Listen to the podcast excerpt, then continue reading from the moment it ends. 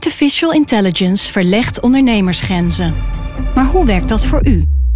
Als transformatiepartner helpt Capgemini u kansen te ontdekken en benutten, zodat we uw ideeën tot leven brengen. Vorm uw eigen mogelijkheden met generative AI. Ontdek meer op capgemini.nl/slash AI.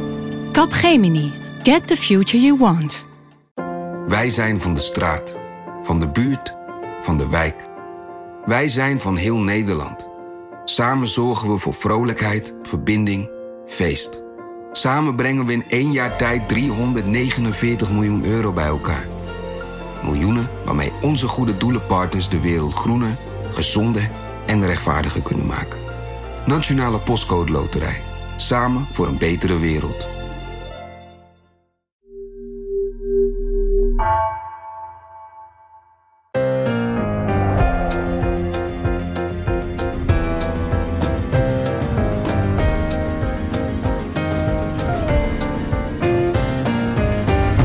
Dit is Haagse Zaken van NRC. Mijn naam is Lemja Aharwai.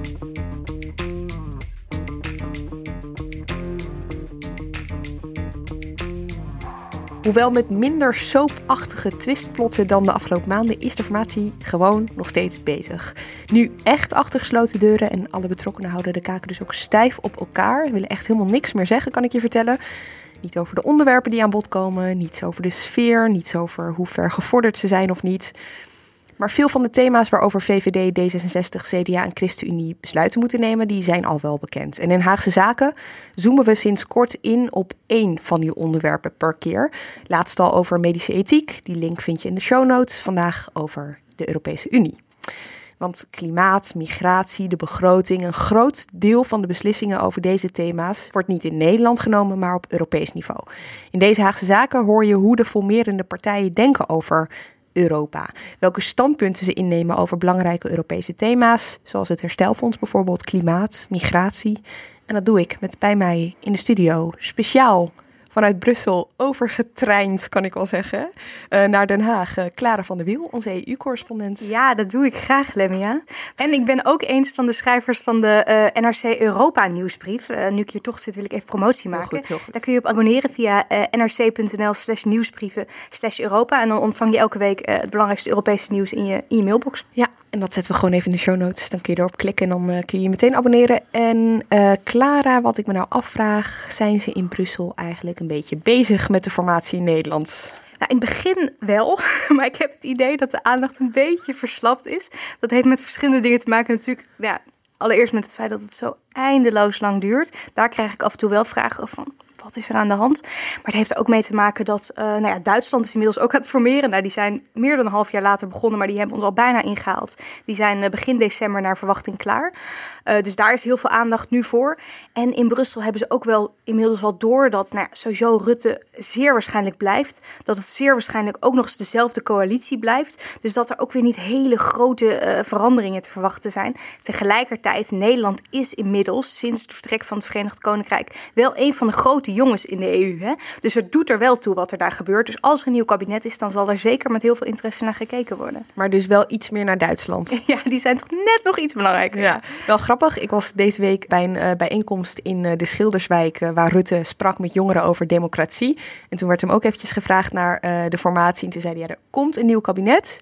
En we willen er sneller mee zijn dan de Duitsers. Nou ja, dat, dat vind ik heel erg optimistisch. Want Duitsland die wil voor 3 december willen ze klaar zijn. Dus nou ja, de tijd begint nu wel echt te dringen. Ja, dus er wordt wel steeds minder intensief, zal ik maar zeggen. Wel gekeken naar onze formatie in Brussel.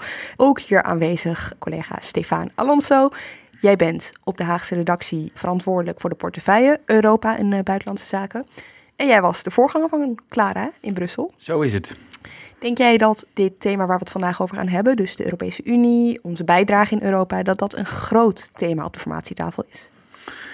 Ja, ik denk het wel. En dat baseer ik een beetje op het feit dat uh, Kaag, toen ze aankondigde, Sigrid Kaag van D66, toen ze aankondigde dat ze wilde gaan formeren, toen noemde ze nadrukkelijk ook Europa als onderwerp wat ze belangrijk vond. Voor ons moet het regeerakkoord recht doen aan al die mensen in Nederland die zich zorgen maken over de klimaatcrisis.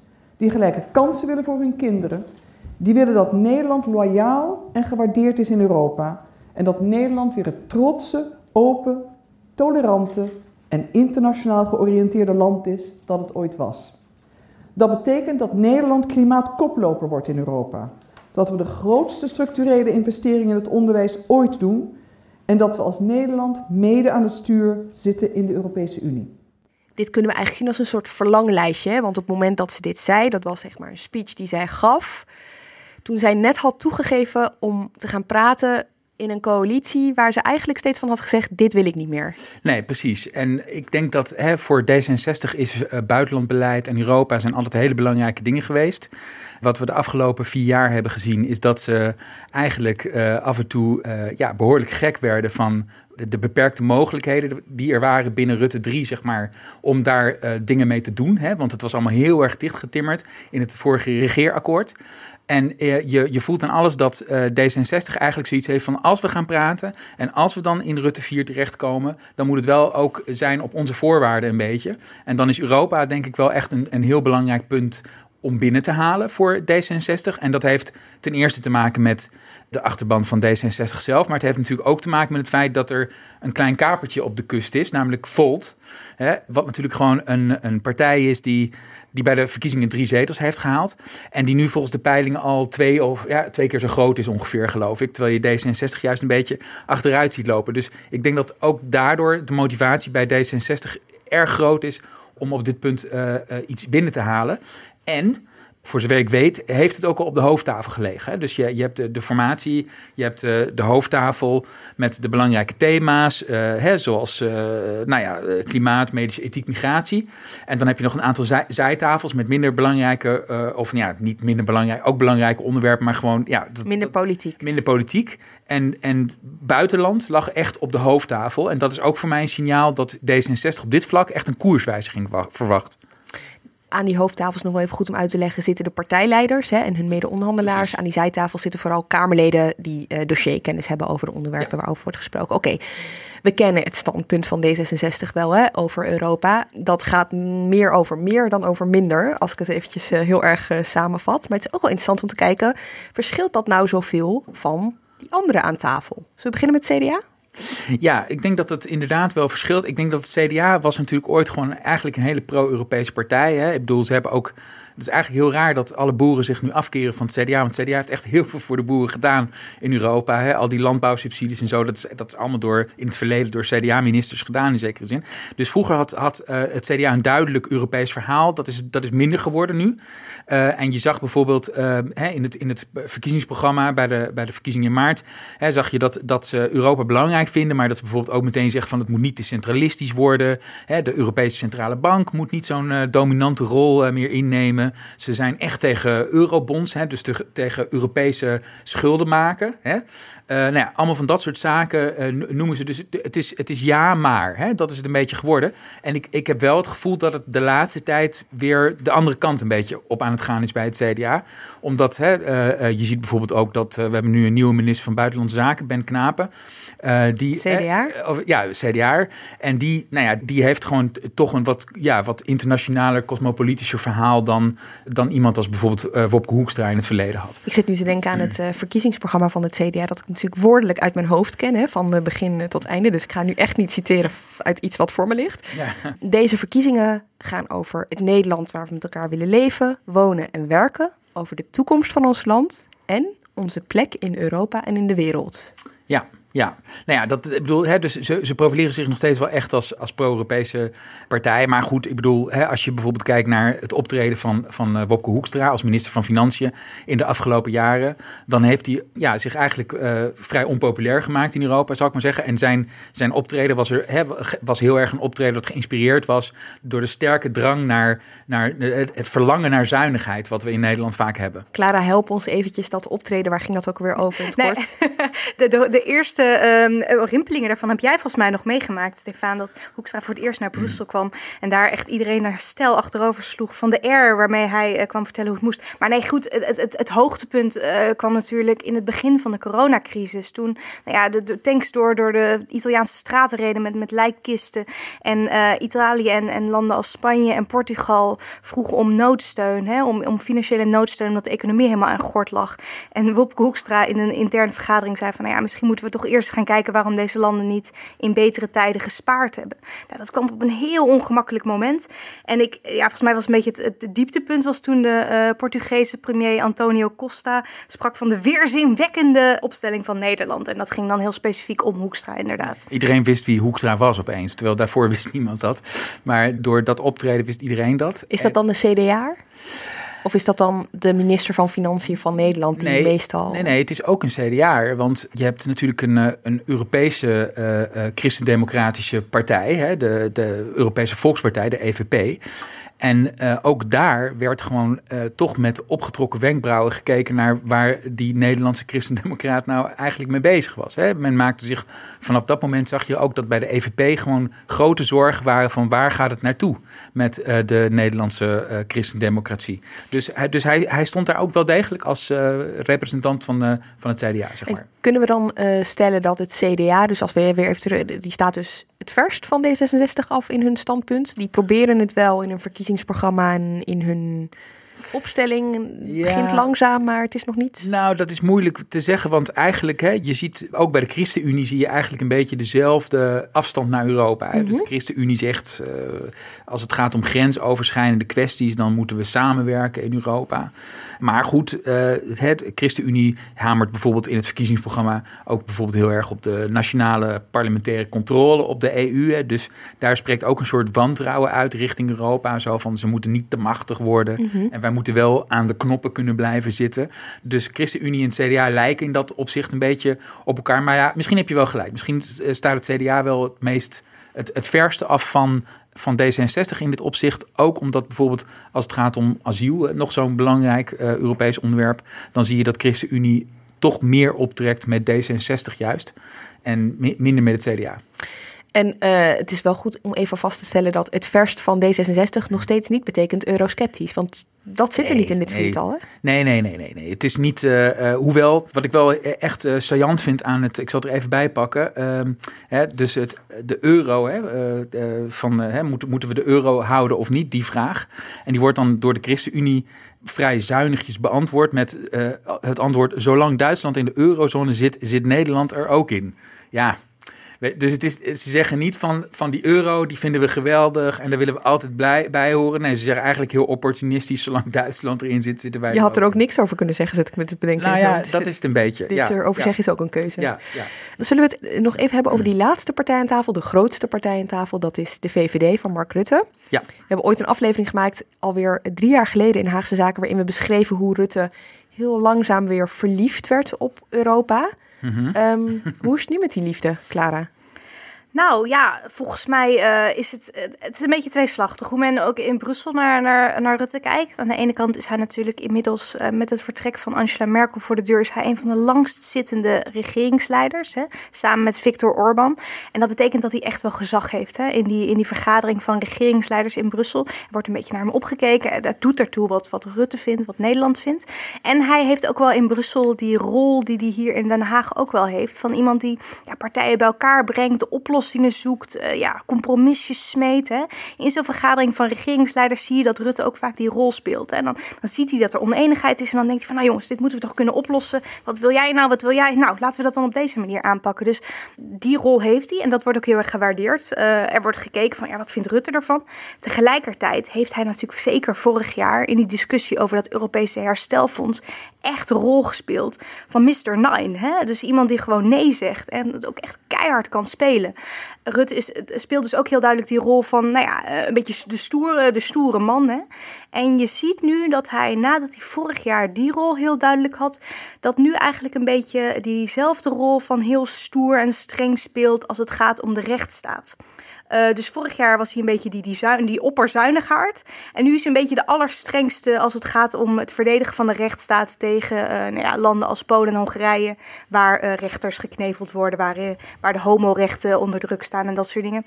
Dus ja, hij, wordt hij wordt wel gewaardeerd. Het interessante daaraan is, als we dus kijken naar hoe de VVD kijkt naar de rol van de Europese Unie, hij met dit wat je nu ziet bij de rechtsstaat, hij dus ook laat zien dat de Europese Unie voor hem meer is dan alleen een muntunie. Dus dat het hè, dat het toch ook een waardeunie is. Ik zie jou, Stefan. Oh ja. Nou ja, Jij zegt absoluut, Clara. Stefan, Nou, ik denk wel dat dat, dat dat speelt een rol. Stefan kan er zo misschien nog wat meer over zeggen. Maar het is natuurlijk, die, die, die twee argumenten die haken wel in elkaar. Hè? Ik bedoel, bij dat herstelfonds heeft Rutte, dat heeft heel lang tegen verzet. Maar uiteindelijk kwam het er met een beroep op de solidariteit. Ook de solidariteit van de Nederlandse belastingbetalers.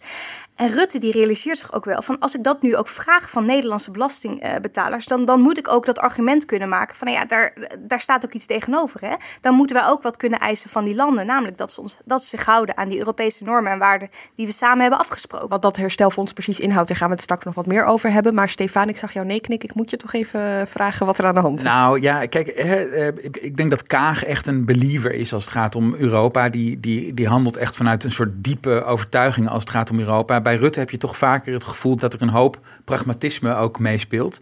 En dat zag je dus bijvoorbeeld ook in die onderhandelingen over dat herstelfonds. Hè. Eh, Nederland moest een eh, knieval maken, hè, moest eh, ja, gewoon eh, mee gaan doen aan het herstelfonds en daarvoor miljarden op tafel gaan leggen. En Rutte had gewoon iets nodig hè, om, te, om te kunnen laten zien in zijn eigen land dat hij het hard had gespeeld. En toen kwam de rechtsstaat op de proppen. En vanaf dat moment was hij opeens heel erg met de rechtsstaat bezig. Terwijl hij dat daarvoor eigenlijk niet was. Dus ik bedoel, je ziet vaak dat, dat de, de bewegingen die Rutte maakt, zijn ook bewegingen die hij maakt om, omdat het hem op dat moment gewoon goed uitkomt. Moeten we Rutte hier zien als de VVD? Of is het Rutte en hoe denkt de VVD erover? Als je snapt wat ik bedoel. Ik hoop dat dat niet te vaag is. Nee, nee, nee. Ik denk dat, kijk, de VVD is denk ik in dat opzicht, eh, als het om Europa gaat, best wel een verdeelde partij, denk ik. Want het is natuurlijk een ondernemerspartij. En, als, er, hè, als er één beroepsgroep eh, profiteert van Europa, dan zijn het de ondernemers wel. Dus in dat opzicht is er een soort enorme eh, liefde voor de interne markt. Hè. Dat voel je ook altijd bij Rutte heel duidelijk. Voor hem is dat, is dat gewoon de essentie van Europa, de interne markt. Alleen de eeuwige discussie is eigenlijk dat als je de lusten wil, dan moet je op een gegeven moment ook de lasten gaan dragen. En dat vinden ze bij de VVD altijd vervelend.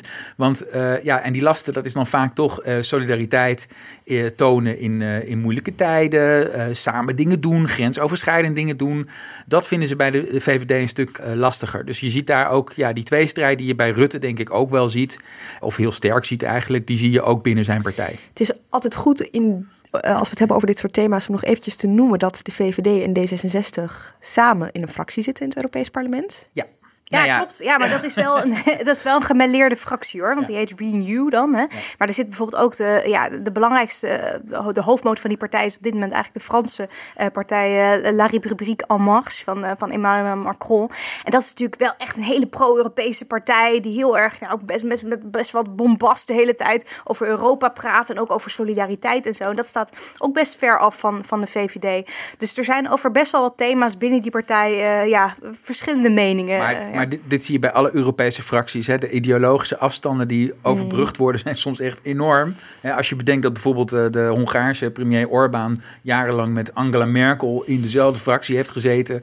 Ja, dat is gewoon ja, eigenlijk eh, best wel raar. En tegelijkertijd ook wel begrijpelijk. Want je moet gewoon grote machtsblokken hebben om... Ja. Eh, die 750 Europarlementariërs, want zoveel zijn het er. om Nou, het zijn er niet meer zoveel hoor. Oh, Er zijn er ja, zijn er geworden inmiddels? 700 geworden. Oh, ja, de Brexit die heeft toch wel een hap Oh ja, uitgenomen. natuurlijk, natuurlijk, ja, inderdaad. Ja. Helemaal vergeten. Nu al, uit het oog, uit het hart. Ehm, nog even één ding over eh, Rutte voordat we eh, verder gaan. Want ja, goed. Jij ziet hem daar ook in de wandelgangen, Clara. Hè? Je ziet hoe hij zich daar beweegt. Dat is voor ons wat minder in het zicht. Zie je hem genieten? Ja, volgens mij vindt hij het heel leuk. Eh, hij, ziet, hij, hij ziet die vergaderingen dus ook echt een beetje als iets waar je lekker, ja, lekker kunt gaan staan bomen met collega's. Het is geen corvée. nee, maar dat, dat is eigenlijk heel ongebruikelijk. Want het is best een hele formele setting, zo'n Europese raad. Maar Rutte die geniet daar wel van. Die denkt echt wel van, oh hey, leuk wedstrijd. We gaan er weer in. Ja. Ja, hij vindt het ook vervelend als hij in Brussel vragen krijgt over nationale kwesties. Hè? Want hij wil juist weg van die Haagse bubbel dan. Nou ja, hè? dat, dat was laatst natuurlijk heel duidelijk toen een NOS-verslaggever hem vroeg eh, naar al die ouders wiens kinderen uit huis zijn eh, gezet. En daar was zijn antwoord dus. Ik ben in Brussel. Dan een ander onderzoek wat u wel kent. 1100 kinderen die eh, uit huis zijn geplaatst. Ik ben hier in Brussel. Ja, u bent hier in Brussel. Eh, daar hebben die 1100 kinderen eh, geen boodschap aan. Dus het is de eerste keer dat er een Nederlandse bewindspersoon op kan reageren. Dus wat dat betreft geef ik u de eer. Ik zal bij uitzondering iets zeggen over een binnenlands politieke aangelegenheid. Bij een geval van een Europese vergadering. Dit doet hij dus vaker. Ja, ja, dat doet hij vaker. En hè, het is voor hem inderdaad, denk ik, echt een uitje. Kijk, in de Haagse context heb je heel erg te maken met de Tweede Kamer, met de media. En in, en in Brussel zit hij daar gewoon met andere regeringsleiders aan een klein tafeltje. Of nou ja, tenminste, het is best een grote tafel, maar het is een relatief kleine tafel. Maar dat, dat is een overzichtelijke, fijne situatie voor hem. En ja, het, het ik denk dat hij daar echt wel van geniet. We gaan het weer even terugbrengen naar de Haagse formatietafel. Dus weer even weg vanuit Brussel. Maar niet voordat we even luisteren naar Rutte in mei in de Kamer. Europa is cruciaal voor Nederland om twee redenen: onze economie en onze veiligheid. Wij kunnen het nooit in ons eentje. Als Europa niet bestond, zou de Europese Unie bestond, moesten we hem uitvinden. Totaal onverantwoord om als Nederland alleen in die instabiele wereld uh, op het toneel te staan. Uh, je hebt die samenwerking nodig. Uh, de Russen, de situatie in het Midden-Oosten, Noord-Afrika, de onvoorspelbaarheid vanuit Amerika, nu weer voorspelbaarder, maar toch een aantal jaren zeer onvoorspelbaar onder Trump. Het is cruciaal dat je samenwerkt voor veiligheid en voor economie. Maar vervolgens mag je in Europa echt ervoor zorgen dat je de belangen van Nederland verdedigt. Net zoals de Duitsers dat doen, zoals de Fransen dat doen. Ik wilde dit laten horen omdat ik dacht, oh, nu kun je dus concluderen dat de twee grootste partijen aan de formatietafel zij en zij met elkaar gaan optrekken. Ja, ik denk dat dat niet oh. helemaal waar is. Want ik bedoel, kijk, eh, ik denk op zich, ik denk dat D66 en VVD inhoudelijk best wel veel raakvlakken hebben als het gaat om Europa. Weet je wel, ik bedoel, alleen waar D66 de afgelopen jaren gewoon uh, een enorm punt van maakte de hele tijd, was de toon. Hè? De toon van het kabinet. Uh, en dan met name van Rutte. Rutte heeft heel erg de neiging om, je zag het afgelopen week ook, hè, dan zegt hij actie, actie, actie over het klimaat. Maar vervolgens wil iedereen weten, ja, maar wat betekent dat nou concreet? Dat doet hij met Europa ook heel vaak. Hè? Dus Europa is ook vaak, dan houdt hij zo'n verhaal, dat klinkt echt zo'n verhaal van, we kunnen niet zonder, en de Russen, en dit, en zus, en zo. Maar dan vervolgens, hè, where's the beef? Uh, die vraag wordt niet echt beantwoord dan uh, op zo'n moment. En ook later vaak niet. Dus dat is een beetje, denk ik, uh, het, het punt met Rutte. Dat, dat niet iedereen hem altijd even geloofwaardig vindt. En ik denk dat D66 zal eisen, tijdens de formatie schat ik zo in, dat Rutte, zeg maar, hè, ze willen aan het stuur zitten van Europa, zeggen ze. Dus ze willen gewoon dat Rutte vol overgave uh, dat Europese beleid gaat verdedigen en gaat uitdragen. Gaat uitleggen aan, aan, aan de Nederlandse kiezer. En ook gaat uitleggen waarom Nederland weer zo'n prominente, proactieve, constructieve rol wil spelen in Europa. Nou ja, als we het hebben over die toon en over de rol van Nederland in Europa, dan gaan we nu eens even dat herstelfonds er helemaal bij pakken, waar je eerder al over was begonnen, uh, Clara. Uh, ik, ik zie hier. Iedereen knijpt in zijn handjes. Ik zit nu in een groep waar mensen hier warm van worden. Vertel, Clara, uh, wat is dat herstelfonds? Nou ja, ik denk dat alle luisteraars zich nog wel kunnen herinneren dat vorig jaar zomer uh, er echt ontzettend veel over te doen was over dat herstelfonds. Het is namelijk een, ja, een gigantische pot met geld, Europees, uh, die aan landen kan worden uitgedeeld om eigenlijk na die pandemie, nu eigenlijk, het land weer op te bouwen en de economie weer aan te gaan jagen.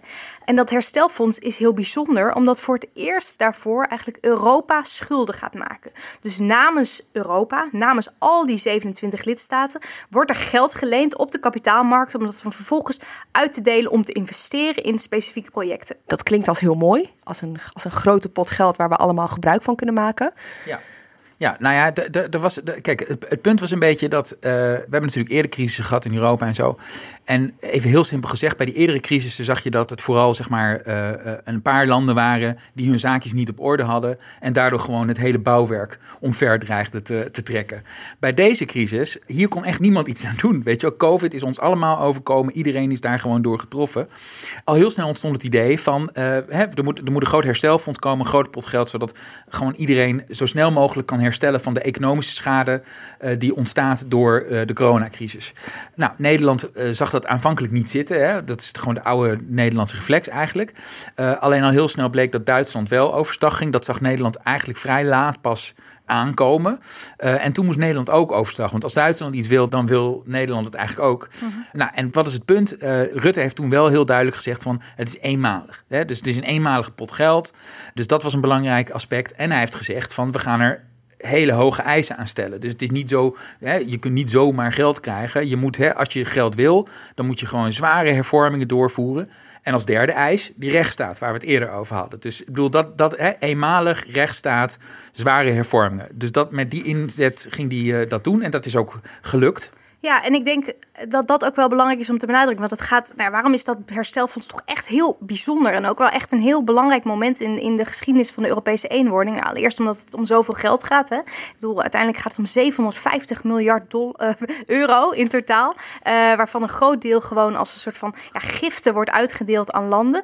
En maar wat ook heel belangrijk is, dat echt ook het toezicht op dat geld heel Europees is. Hè. Dus elk land moet een heel specifiek plan indienen hoe ze dat geld willen gaan uitgeven. En daarin moeten ze bijvoorbeeld nou, aangeven dat, uh, dat een groot deel van dat geld wordt besteed aan klimaatdoelstellingen, aan digitale doelstellingen. Dus het, het voedt echt een beetje die Europese integratie ook. Omdat er ja, toezicht op dat geld en ook echt grote sommen geld uh, vanuit Europa naar die lidstaten gaan. Uh, en dat maakt het natuurlijk wel een heel bijzonder project. En daarmee heeft Brussel ook echt wel een nieuw instrument in handen gekregen. Dus een, een bijzonder project. Het, het, het, heeft, het is van invloed op de Europese eenwording. Nederland heeft eisen gesteld. En dan blijkt dat Nederland als enige land uit de Europese Unie nog geen plannen heeft ingediend. Ja, dat is ongemakkelijk, hè? Maar het is inderdaad zo, want vanaf begin dit jaar konden landen dus hun plannen uh, daarvoor indienen. Daar moeten ze een speciaal herstelplan voor schrijven. En wat wel belangrijk is om te benadrukken, is dat het herstelplan meer is dan alleen maar een soort van boodschappenlijstje van, oh ja, wij willen het hier aan gaan uitgeven. Hè? Het moet een heel, ja, uitgebreid plan eigenlijk zijn, waarin je inderdaad aangeeft, nou, we willen bijvoorbeeld investeren in een nieuwe spoorlijn, of we willen een nieuwe glasvezelnetwerk gaan aanleggen, of we willen heel veel zonnepanelen gaan aanleggen. Maar nog belangrijker eigenlijk aan dat plan is hoe je aangeeft dat je je economie gaat hervormen. En uh, nou ja, dat, dat verschilt heel erg per land wat nodig is. Hè. Als je bijvoorbeeld kijkt naar een land als Italië, nou, dat is misschien wel een beetje het, grootste zorgkindje van Europa. Er zijn al heel lang zijn er zorgen over nou de gigantische overheidsbureaucratie waardoor het heel moeilijk is om daar een nieuw bedrijf te starten. Ja, Italië moet dus heel duidelijk, en dat hebben ze ook gedaan, in hun plan zetten. Van nou ja, wij willen dat op deze en deze manier willen we dat gaan aanpakken. Zodat onze economie eigenlijk innoverender wordt. En dat we er echt weer een beetje ja, een sweeper aan gaan geven. Eigenlijk vraagt dat dus om hele politieke keuzes. Absoluut. En hier absoluut. speelt natuurlijk de formatie nog. Dus dat is ook de reden hè, dat Nederland denkt, wij wachten nog even totdat er een nieuw kabinet zit. En dan kunnen wij een plan indienen, want dan hebben we ook al een regeerakkoord. Ja, precies. En het verschilt dus ook heel erg per land wat je in dat plan moet zetten. Want in Italië is bijvoorbeeld die overheidsbureaucratie. In Frankrijk is het bijvoorbeeld ja, dat pensioenstelsel. Nou, dat is allemaal verschrikkelijk. En dat, dat, daar worstelen ze daar bijvoorbeeld al jaren mee. In Spanje is het de arbeidsmarkt, wat echt een, echt een probleem is voor die economie. Dus per land uh, liggen er eigenlijk een soort van aanbevelingen van Brussel. Van nou ja, als je je economie gaat hervormen, doe dan dat. En daar moet het land mee aan de slag. En in Nederland zijn, ja, we hebben ook aanbevelingen gekregen. Nou, nou onze, onze economie is natuurlijk in Europees opzicht best innovatief. Maar er zijn absoluut dingen die hier veel beter kunnen. En, en het belangrijkste is uh, de hypotheekrente Zo, bij de VVD horen ze je dit nu zeggen. Het is een paar gangen verderop, maar gaan nu alle alarmbellen af. Ja. Nee, maar ik bedoel, economen zeggen natuurlijk al, duidelijk, al, al heel lang... onze, onze publieke schulden, dus hoeveel uh, schulden we eigenlijk ja, hebben gemaakt op de kapitaalmarkt, ja. zijn relatief laag. Maar de private schulden van huishoudens, die zijn gigantisch hoog in Nederland als je dat vergelijkt met andere Europese landen. En dat is echt een risico voor de economie. En hoe komt dat nou? Nou, dat komt omdat eigenlijk heel erg gestimuleerd wordt dat mensen gigantische sommen geld gaan lenen voor hun huis. En dat komt mede door die hypotheekrente af. Ja, en het heeft ook bijgedragen aan scheefgroei uh, op de woonmarkt, uh, vermogensongelijkheid. Dus het wordt echt gezien als een groot Nederlands probleem in Brussel. En het andere grote probleem wat Brussel ziet is de arbeidsmarkt, hè, de doorgeslagen flexibilisering. Mm-hmm. Het interessante is dat hè, als je hier luistert naar het debat in de Tweede Kamer, dit zijn op zich problemen die we zelf ook wel zien. Hè, en die ook, en ik denk dat zelfs bij de VVD hebben ze wel door dat de hypotheekrente aftrekt, dat, dat het een eindig verhaal is, zeg maar. Maar hè, toen dus afgelopen week bleek dat de Europese Commissie dit soort eisen dus echt gaat stellen aan het herstelfonds, uh, of aan onze, aan onze om, om, om dat geld te kunnen krijgen uit het fonds. Toen zag je een aantal uh, politici en kranten toch denken van... Uh, oh mijn god, dus het is echt... Uh, dit is niet het, de bedoeling. Dit is niet de bedoeling, weet je wel. Ik bedoel, nou ja, dat, en dat is gewoon heel interessant om te zien... dat, dat de eisen... Hè, bedoel, het, het, het Rutte heeft enorme eisen gesteld aan andere landen... en wordt nu zelf geconfronteerd met eisen die aan Nederland worden gesteld. Hè. En ik bedoel, kijk, wat ik, wat ik zelf altijd heel erg interessant vind... is dat hè, we hebben natuurlijk gewoon ook een bepaald zelfbeeld van ons in, in Nederland. Hè, van de, we vinden onszelf altijd heel erg ja, zeg maar het, perfecte EU-land in heel veel opzichten. En het zijn vaak de anderen die het verkeerd doen. Maar nu krijgen we eigenlijk de bal teruggekaatst. Hè? Daar komt het eigenlijk op neer. En worden we zelf geconfronteerd met bepaalde zwakheden in onze economie. Nou, het ironische is dat we eigenlijk worden geconfronteerd met de eisen die we aan anderen hebben gelegd. Ja, precies. Of in ieder geval dat er eisen zijn. Hè? Ik bedoel, kijk, de hypotheekrenteaftrek is in Italië niet zo'n probleem. Maar in Nederland ja, zal dat toch niemand verbazen dat dat de aanbevelingen zijn die kwamen. Het, het, de andere aanbeveling die er dus is, is gaat over de arbeidsmarkt. Hè? In Nederland zijn er heel veel uh, stimulansen om ja, een beetje die schijnzelfstandigheid in elke hand te werken. We hebben gigantisch veel ZZP'ers die vaak niet goed beschermd zijn en geen goede sociale uh, zekerheid hebben. En dat is ook een, ja, een risico voor je economie uiteindelijk. Nou, een derde punt waar Brussel ook weinig verwonderlijk op wijst, uh, is, is de wildgroei aan belastingconstructies. Hè?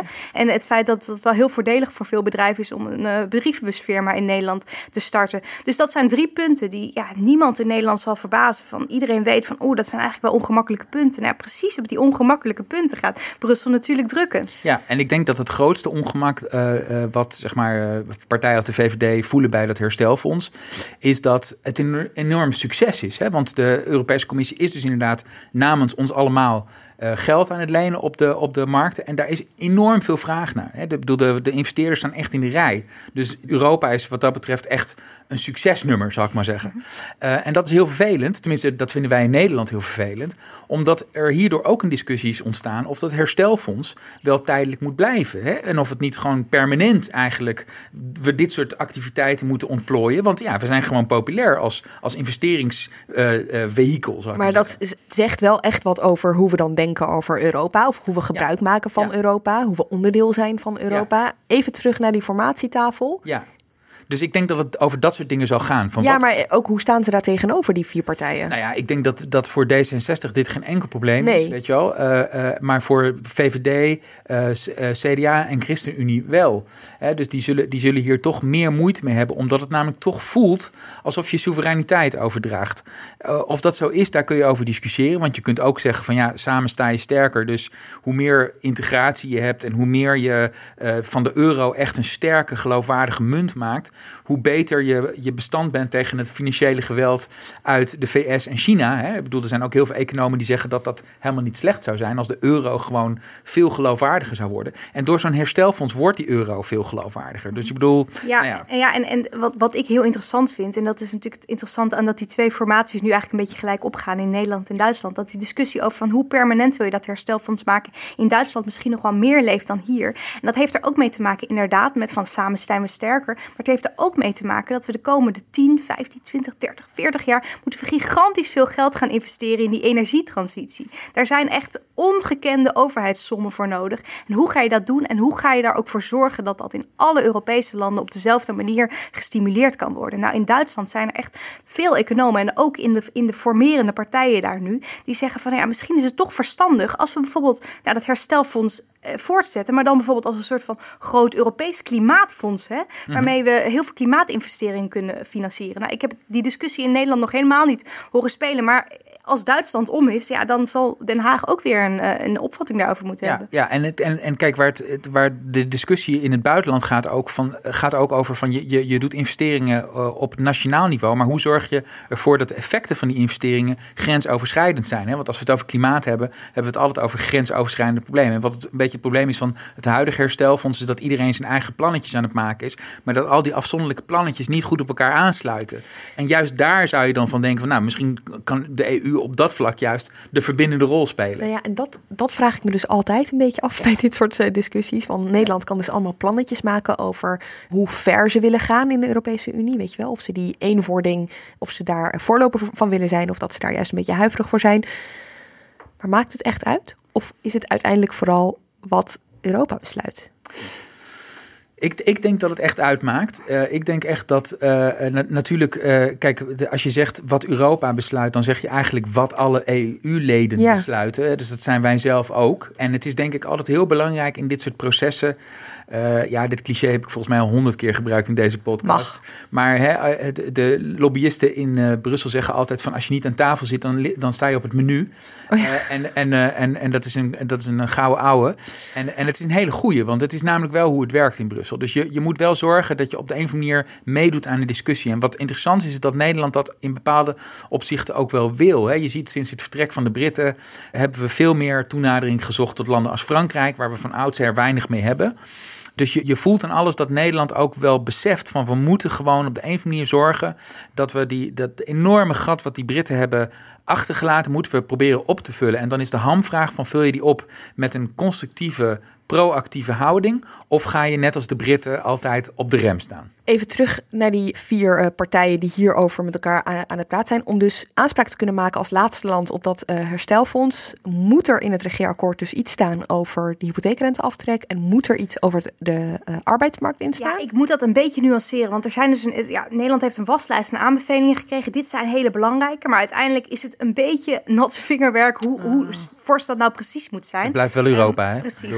Dus het, het zijn onderhandelingen die dan tussen ja, ambtenaren in Nederland en ambtenaren in Brussel met elkaar gevoerd gaan worden. Maar het is wel duidelijk dat, ja, weet je wel, het is natuurlijk zo dat Nederland heel, ja, die is heel streng op die andere plannen. Hè. Die kijkt ook nu, die is voortdurend al die plannen aan het doorbladeren van uh, Italië zegt hier wel dit, maar gaan ze dat wel echt doen? En Spanje hetzelfde. Ja, eh, als, als Nederland uh, dat wil blijven doen op een geloofwaardige manier, dan moeten ze zelf natuurlijk ook wel een goed plan in, indienen. Eurocommissaris Frans Timmermans zei daar vorige week wel iets, wel iets grappigs over. Daar wordt natuurlijk wel een beetje over gegniffeld in Brussel, want het is onder druk van Nederland dat we aan het uh, herstelfonds criteria hebben gekoppeld voor uh, economische hervormingen op basis van de aanbevelingen die de commissie altijd doet. Nou heeft Nederland ook een aantal aanbevelingen gekregen, met name over de hervormingen in de hypotheekmarkt. alleen Nederland wil, wil, zolang er geen kabinet is, daar geen duidelijkheid over bieden. Dus ik denk dat, dat Nederland geen plan indient, omdat Nederland niet aan de hervormingskant iets wil doen wat nog niet is afgesproken tussen de coalitiepartijen. Dit was uh, Timmermans uh, bij uh, BNR. Ik heb hier nog één vraag over en dat kan ons ook een beetje helpen in formatie en hoe lang dit nog kan duren. Is er een deadline voor het indienen van je plannen voor dat? Ja, nou, deadlines in, uh, in Brussel zijn wel vaker van elastiek. Eigenlijk was de deadline was, uh, was 30 april. Nou goed, uh, dat heeft niet iedereen gehaald, want Bulgarije heeft ook pas een paar weken geleden als laatste voor Nederland ingediend. Afgelopen april al. Ja, afgelopen oh. april. Nee, zo, zo gaat dat daar wel, ja. Nee, maar uiteindelijk kun je tot volgend jaar zomer kun je ongeveer je plannen indienen. Maar het, het, het ding is, hoe later je het indient, hoe korter de periode wordt dat je het geld mag uitgeven. Want dat moet allemaal voor 1 2026 uh, moet het zijn uitgegeven. Voor 2026? Ja, precies. En dat is natuurlijk wel een beetje, ja, je denkt van, oh prima, nou hup, dat halen we wel. Maar het is soms best lastig om zulke grote sommen geld op de goede manier te besteden. Dus ja, Nederland snijdt zich in die zin al wel een beetje in de vingers, omdat het die periode gewoon korter maakt. Ja. Ander belangrijk onderwerp, en het ligt hier een beetje van in het verlengde van, is uh, de begrotingsnorm in uh, Europa. Hoef het niet super lang over te hebben, maar oh, ik ben jammer, wel benieuwd. Nou ja, goed, maar weet je, het, ik, ik, ik, ik, daar is ook gewoon een enorme discussie aan het ontstaan in Europa, die ook niet echt wordt gevoerd in Nederland. Je mag volgens de Europese regels, even heel simpel gesteld, mag je een begrotingstekort hebben van 3% en een schuld van maximaal 60%. En uh, er zijn heel veel landen die, die, uh, die daar vanaf willen. Weet je, die vinden dat te streng. En die wijzen er ook op dat hè, als, als het slecht gaat, dan moet je juist niet te hard gaan bezuinigen. Dat in het verleden is dat vaak gedaan in Europa. En dat heeft het probleem alleen maar groter gemaakt. Dus nu zijn er landen die zeggen van ja, nee, uh, we moeten juist uh, de investeringen aan de praat krijgen. Dus we moeten gewoon ook uh, onder bepaalde omstandigheden kunnen accepteren dat, dat bijvoorbeeld de staatsschuld hoger is. En wat ook meespeelt, en dat vind ik zelf een hele interessante discussie, is dat er is ook een discussie over van zou het niet mogelijk zijn om bepaalde investeringen die je doet als land, uh, om die buiten de begroting, uh, buiten je nationale begroting te houden. Hè? Dus die tellen dan niet mee, zeg maar. Dan moet je bijvoorbeeld denken aan groene investeringen. Maar bijvoorbeeld de Fransen denken ook hè, militaire investeringen. En dat is een hele ingewikkelde discussie, want er is natuurlijk wel wat voor te zeggen. Ik bedoel, kijk, je zag bijvoorbeeld ook dat bij de recente evacuatie uh, vanuit Afghanistan, hè, Nederland speelt op defensievlak op dat moment niks klaar en is extreem afhankelijk van andere landen die wel hebben geïnvesteerd in defensie, in tegenstelling tot wij zelf. Hè. Uh, je ziet het bijvoorbeeld ook in de coronacrisis, hè, dat bijvoorbeeld uh, zodra de IC's hier vol liggen, moeten we aankloppen bij de Duitsers, die wel geld hebben gestoken in, in de zorg, hè, in tegenstelling, tenminste op dat vlak van de zorg. Ik simplificeer het allemaal een beetje. Maar het, dat is een beetje het punt. Dus ik, het, wat ik zelf wat fascinerend vind, is dat wij zeg maar, we hebben op papier hebben we een waanzinnige begroting. Hè. We, zijn, we, gewoon, we zijn kampioen begroten in Europa. Maar zodra er problemen ontstaan, zoals Afghanistan of de corona, moeten we heel vaak aankloppen bij andere landen. Omdat we zelf niet de infrastructuur in huis hebben om uh, hier iets aan te doen. En ik denk dat, dat dit argument ook tegen Nederland gebruikt zal worden. Van ja, jongens, het is leuk dat jullie zo uh, uh, hè, dat jullie dat jullie staatsschuld zo laag is en dat jullie begrotingstekort helemaal tip-top is en zo. Maar investeer nou eens een keer op een manier waarop andere landen eigenlijk ook investeren. Je houdt je aan de regels, maar tegelijkertijd is er genoeg waar je wel in moet, zou moeten investeren. Ja, ja. En die vier partijen, hoe denken die daarover? De VVD zegt heel duidelijk in zijn verkiezingsprogramma, en dat is alweer heel lang geleden, want deze formatie duurt zo lang dat je je af en toe kunt afvragen of het verkiezingsprogramma überhaupt nog uh, van kracht is. Maar goed, dat, daar, dat is ons houvast. Uh, daar zegt ze gewoon heel duidelijk van hè, dat ze zo snel mogelijk terug willen naar de EU-begrotingsregels. En ik denk dat uh, de VVD daar niet alleen, ik denk dat D66 daar natuurlijk anders in staat. CDA en ChristenUnie zijn misschien ook wat conservatiever op, op dit vlak, maar in deze discussie is het wel heel erg belangrijk om ook in de gaten te houden wat er in Europa gebeurt.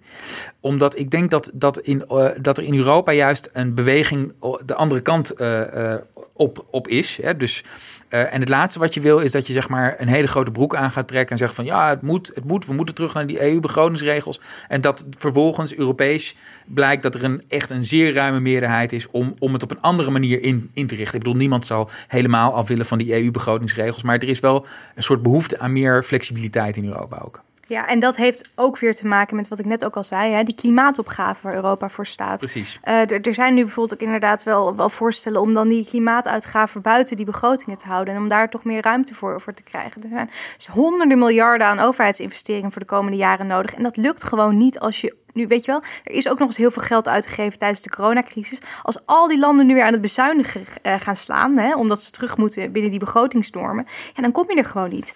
Dus er, er moet daar een oplossing worden gezocht. En ja, Nederland, ik, ik, ik merk wel dat er heel, heel ja, wel geïnteresseerd naar Nederland wordt gekeken wat dit Waarom? betreft. Nou ja, omdat Nederland, ja, samen met Duitsland natuurlijk altijd wel, uh, ja, die waren de strengste. Hè? Die zeiden van, ja, we moeten zo snel mogelijk weer terug dat corset in. En die was ook, kijk, die begrotingsnormen die zijn zoals wel meer dingen in Brussel, ook een beetje van elastiek. Hè? Zo'n landen als Italië en Spanje, die hielden zich eigenlijk toch al niet zo heel erg goed aan. Dus op zich is, is dat argument wat Nederland zegt van ja jongens, uh, we gaan ze nu versoepelen. Maar hadden we niet dan eerst eens even moeten gaan kijken of het überhaupt wel, uh, waarom landen zich er überhaupt niet aan hielden. Hè? Dus uh, Nederland is in die discussie gewoon een hele ja, prominente speler. Dus er wordt echt gekeken naar wat Nederland daar gaat doen. Ja, en, en, en, en ik denk dat je ook wel kunt zeggen dat de EU wel een beetje op een kruispunt staat. Hè? Want de Britten zijn weg. Hè? Uh, de Amerikanen hebben zich een beetje van ons afgekeerd. Uh, de Chinezen zijn uh, ook goed bezig. Dus Europa zal zich ook binnen de wereld staande moeten zien te houden. En dat, dat lukt alleen maar als je gewoon ja, voldoende investeert in innovatie, verduurzaming, defensie. Hè, dat soort zaken. Dan, dan zal er op, dat, op die vlakken zal echt een grote slag moeten worden gemaakt. Ik wil echt even door op klimaat met jullie. Want dat is wel een interessant onderwerp. Dat is nou typisch zo'n onderwerp waar in Nederland uh, keuzes over gemaakt moeten worden. Maar kan ik het dan samenvatten als in wat hier wordt besloten, dat wordt dan de Nederlandse inzet in Europa? Ja, dat, dat kun je zeker zeggen. Want als je bijvoorbeeld kijkt naar het vorige regeerakkoord, uh, daarin staat heel duidelijk van Nederland gaat zich binnen Europa hard maken voor hogere klimaatdoelen. Nou, daar zijn ze heel erg hard mee begonnen in 2017 en daar zijn ze ook uiteindelijk in geslaagd. Hè. Het doel voor 2030 is naar 55% emissiereductie gegaan, mede op aandringen van Nederland. Ja. Dus het doet ertoe wat Nederland vindt, absoluut. Ja, nee, nee, dat, dat, dat is absoluut waar. En ik denk, kijk, het is in zo'n regeerakkoord wel belangrijk dat Hè, natuurlijk moet je, moet je uh, uh, duidelijk aangeven wat je wil. Maar je moet wel rekening houden met wat er in de rest van Europa gebeurt. Hè. Je kunt niet, als je uh, heel streng gaat doen over bepaalde dingen en je kan het vervolgens niet waarmaken, dan krijg je dat natuurlijk keihard teruggekaatst hier in de Tweede Kamer. Wat mij heel erg opviel is toen ik twee jaar geleden in Brussel kwam, is dat Nederland er echt een beetje bekend staat als een groene koploper. Hè. Als iemand die echt heel erg zo hard maakt voor klimaatbeleid. En dat vond ik eigenlijk een beetje raar. Want als je kijkt naar uh, wat Nederland echt concreet doet en hoe ze ervoor staan in, in vergelijking met bijvoorbeeld landen als Denemarken, dan, ja, dan, dan staan we er niet heel erg goed op. Hè? Ik bedoel, onze emissiereductie gaat niet zo heel erg snel. Qua duurzame energievoorziening zitten we ook eigenlijk helemaal, halen we ook onze doelen niet en zo. Dus ja, Nederland heeft er nu dus voor gezorgd dat dat doel op 55% komt te liggen. Maar uit berekeningen van het Planbureau voor de Leefomgeving bleek vorige week nog dat we in het slechtste geval 38% zelf gaan halen. En in het beste geval 48 procent. Nou, dat komt natuurlijk helemaal niet in de buurt van het Europese doel. Dus ja, eigenlijk uh, dat, dat doel waar we zelf voor hebben gepleit, dat, dat krijgen we nu ook weer terug in ons gezicht. Dit is de tweede keer in deze aflevering dat we dus moeten constateren dat Nederland iets wil, zich ergens hard voor maakt en vervolgens denkt, oh shit, dan gaat het ook over ons. Precies, ja. Ja, ja. je krijgt de bal uh, teruggekaatst. Ja, en de Raad van State heeft nu ook echt, ja, die heeft zich best veel uitgesproken, vond ik. Die zeggen van ja, weet je, Nederland heeft zich daar hard voor gemaakt. Nu moeten ze ook zelf dat doel verhogen naar 55 procent. Dus dat zal zeker op de formatietafel uh, besproken moeten worden. Ja, precies. Dus, uh, want als we het weer eventjes terugbrengen naar die formatietafel, is dit dan, als we het hebben over klimaat in Europa, het, het hoofddossier? Dus die reductie en op hoeveel procent dat zou moeten blijven? Het gaat natuurlijk om het wat, hè? dus van hoe hoog is dat doel. Maar het gaat natuurlijk ook om het hoe. Hè? Uh, hoe gaan we dat doen? En Europa heeft net onder leiding van Eurocommissaris Frans Timmermans... Uh, hebben ze daar een heel gedetailleerd plan eigenlijk voor, voor uh, uitgedokterd... en deze zomer gepresenteerd. Fit for 55 heet dat dan, met zo'n mooie Europese slogan.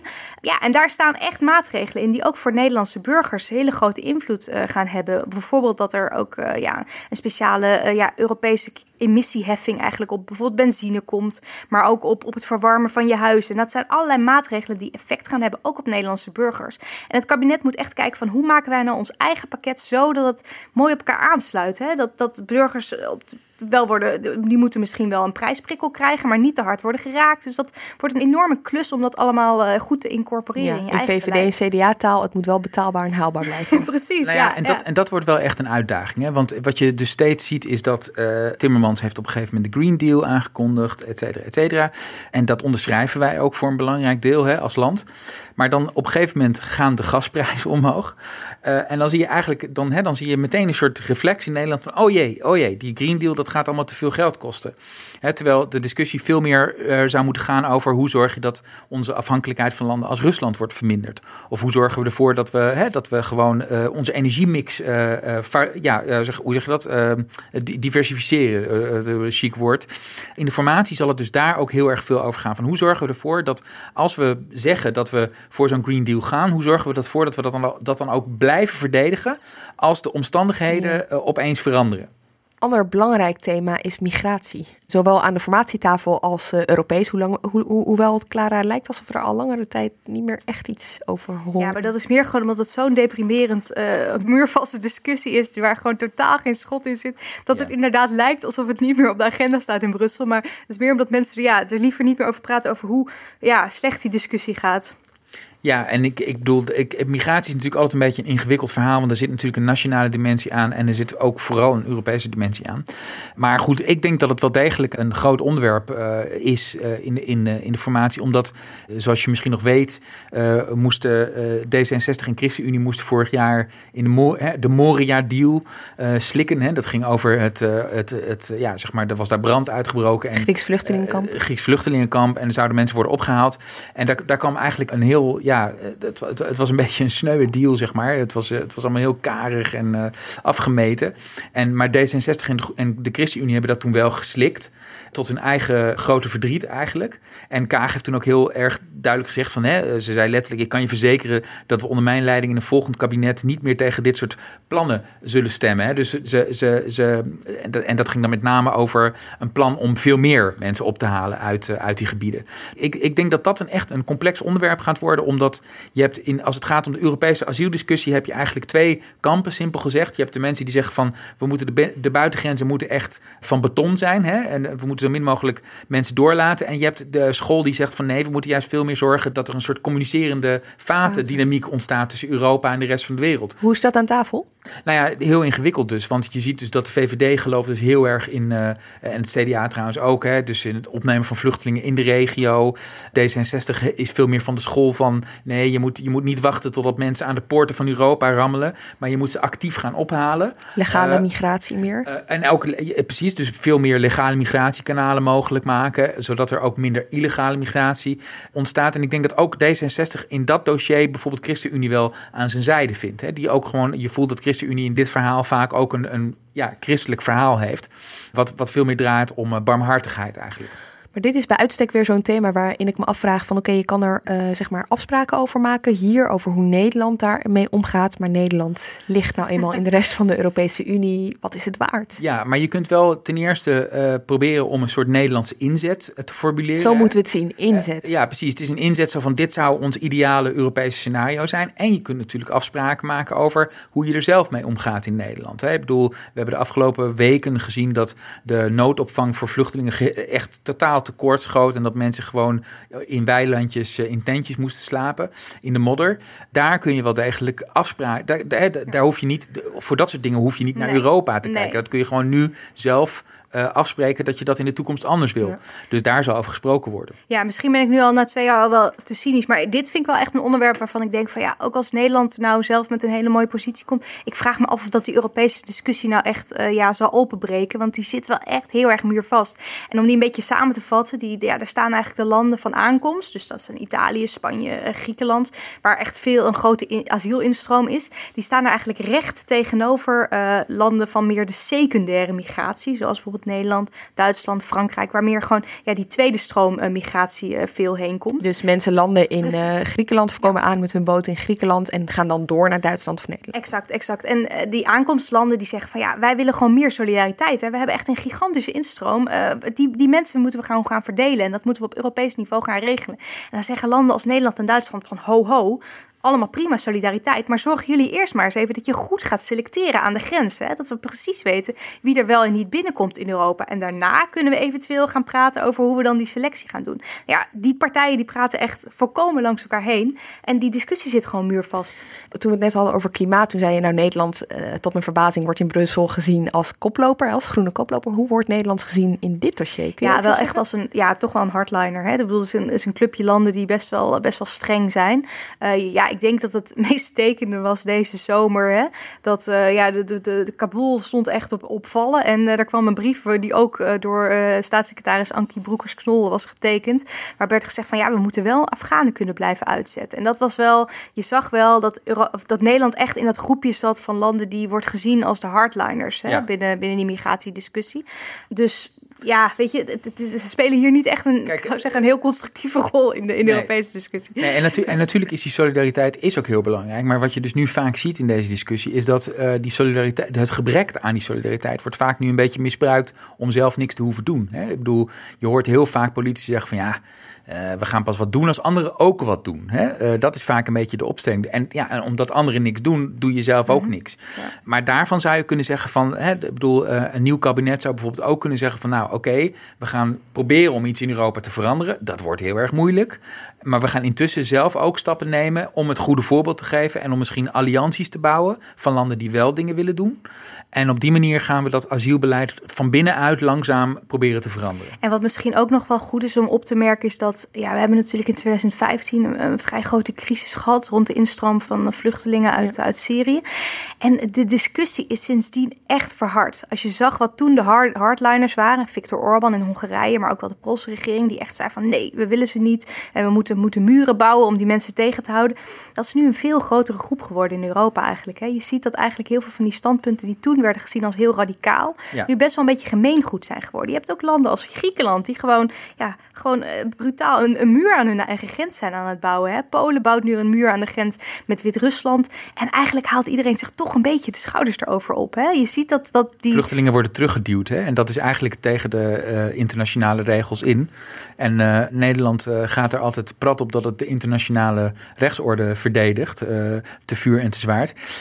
maar op dit vlak zijn we eigenlijk ook vrij stil. Hè. Ik bedoel, als je bijvoorbeeld ziet... Weet je waar ik nu aan moet denken? Je had net ja. een verhaal over Rutte en hoe hij dus de rechtsstaat tot een van zijn speerpunten heeft gemaakt. Maar dan is het dus eigenlijk de rechtsstaat van een ander Europees land. Ja. Maar de rechtsstaat en hoe we die als volledige Europese Unie dan beschermen als het over ons gaat? Nou, het is nog veel simpeler dan dat. Je ziet gewoon dat als het gaat om uh, rechters of uh, homorechten in Hongarije, dan zie je dat de regering het makkelijk vindt om daar een standpunt uh, over in te nemen. Zodra het over vluchtelingen gaat, dan zijn we opeens weer heel hard. Weet je, dus dan, dus dan is het bijna alsof de opvattingen die we hebben over normaal hebben over mensen, die gelden niet voor vluchtelingen. Dus dat is eigenlijk wat je heel vaak ziet. Even, hè, want we hebben nu ingezoomd op klimaat en op migratie en op dat herstelfonds en op begrotingen. En ik denk dat dat op zich wel genoeg is. Maar ik vraag me wel af, eh, als da straks dat regeerakkoord uh, ooit geschreven wordt ja. en we hebben het voor ons liggen, moet je dan dus steeds in je achterhoofd hebben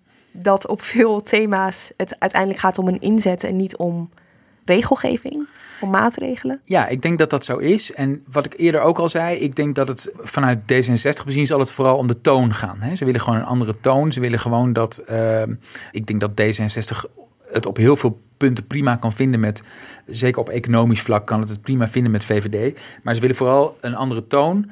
En, dat is niet zo moeilijk, toch? Of nee, dat is, nou, denk ik er niet te makkelijk over? Ja, ik, weet niet hoor. Ik, denk dat je er te makkelijk over denkt, want, want juist die toon is vaak echt een enorm probleem. Hè? Dus uh, in, uh, je ziet gewoon dat je, de, de, er is gewoon een lange reeks aan uh, diplomatieke missers begaan vanuit Nederland. Hè, dat, met, met Hoekstra hadden we het eerder over, maar ook met Rutte, die een keer met een, met een boekje naar een, naar een EU-top ging, omdat hij eigenlijk niet zoveel zin had om te vergaderen en maar een boekje ging lezen. En daar gewoon ook op die manier... van Chopin, toch? De biografie van Chopin, daar ook op, op die manier. En, en we hadden natuurlijk Dijsselbloem met de, de oezo drinkende uh, Grieken. En weet je Oké, ik snap wat je bedoelt. Nou ja, dat, dat. Weet je, dat, daarvan dat zou je kunnen zeggen van... we hebben dat eigenlijk niet nodig als land. Want we kunnen ook ons punt maken zonder de halve wereld te beledigen. Er wordt gesproken, tenminste, ik weet niet wat jij daarover hebt gehoord, Stefan, over een staatssecretaris voor Europese Zaken. Hè? Dat dat nog wel eens tot de mogelijkheden zou kunnen behoren. Ja, nou, dat, dat zou heel goed zijn. zou dat helpen? Niet zozeer in de toon, maar meer in het laten zien als land dat je, dat je Europa belangrijk, belangrijk vindt. Ja, ja, tuurlijk, tuurlijk. En kijk, ik bedoel, wat ik al eerder zei, we zijn kampioen begroten, maar we zijn ook kampioen kleine kabinetten. Hè? Dus we, hebben, we zijn een land met heel weinig ministers. Maar als je ziet wat voor een enorme problemen er zijn in Nederland, hè? Of, of het nou gaat om wonen of ruimtelijke ordening of nou ja, noem wat. dat zijn allemaal uh, ministeries waarvan je zou willen dat ze gewoon eigenlijk terugkomen om die problemen ook hands-on aan te pakken. En dat geldt eigenlijk ook voor Europa. Voor uh, D66 is de formatie dus geslaagd als de toon vanaf nu anders klinkt. Hoe is dat voor de andere partijen? Valt er bij andere partijen ook iets over te zeggen wanneer het voor hun geslaagd is op dit thema? Ik denk dat uh, voor de andere partijen geldt dat er uh, niet al te drieste plannen uh, moeten worden ingebracht in het regeerakkoord. Dat ze dan tevreden zullen zijn. En dat er zullen ongetwijfeld ook voor de VVD bepaalde no-go's zijn. Ik kan me bijvoorbeeld voorstellen dat nu al zeggen dat het herstelfonds permanent moet worden of zo. Dat zal de VVD niet zeggen. Dus dat soort language zal eruit worden gelaten. maar goed, ja, ik denk dat als, als D66 met een slecht resultaat terugkomt bij de kiezer op dit vlak, dat dat heel moeilijk zal zijn voor die partij. Dank jullie wel, Clara van der Wiel en Stefan Alonso. Dank ook voor het luisteren. Redactie en productie van deze aflevering waren in handen van Iris Verhulstonk. Montage door Pieter Bakker. En volgende week zijn we er weer. Is er trouwens een formatie-onderwerp waar je ons ook over wil horen? Mail gewoon naar podcast.nrc.nl. Dan kijken we even of het kan. Tot volgende week.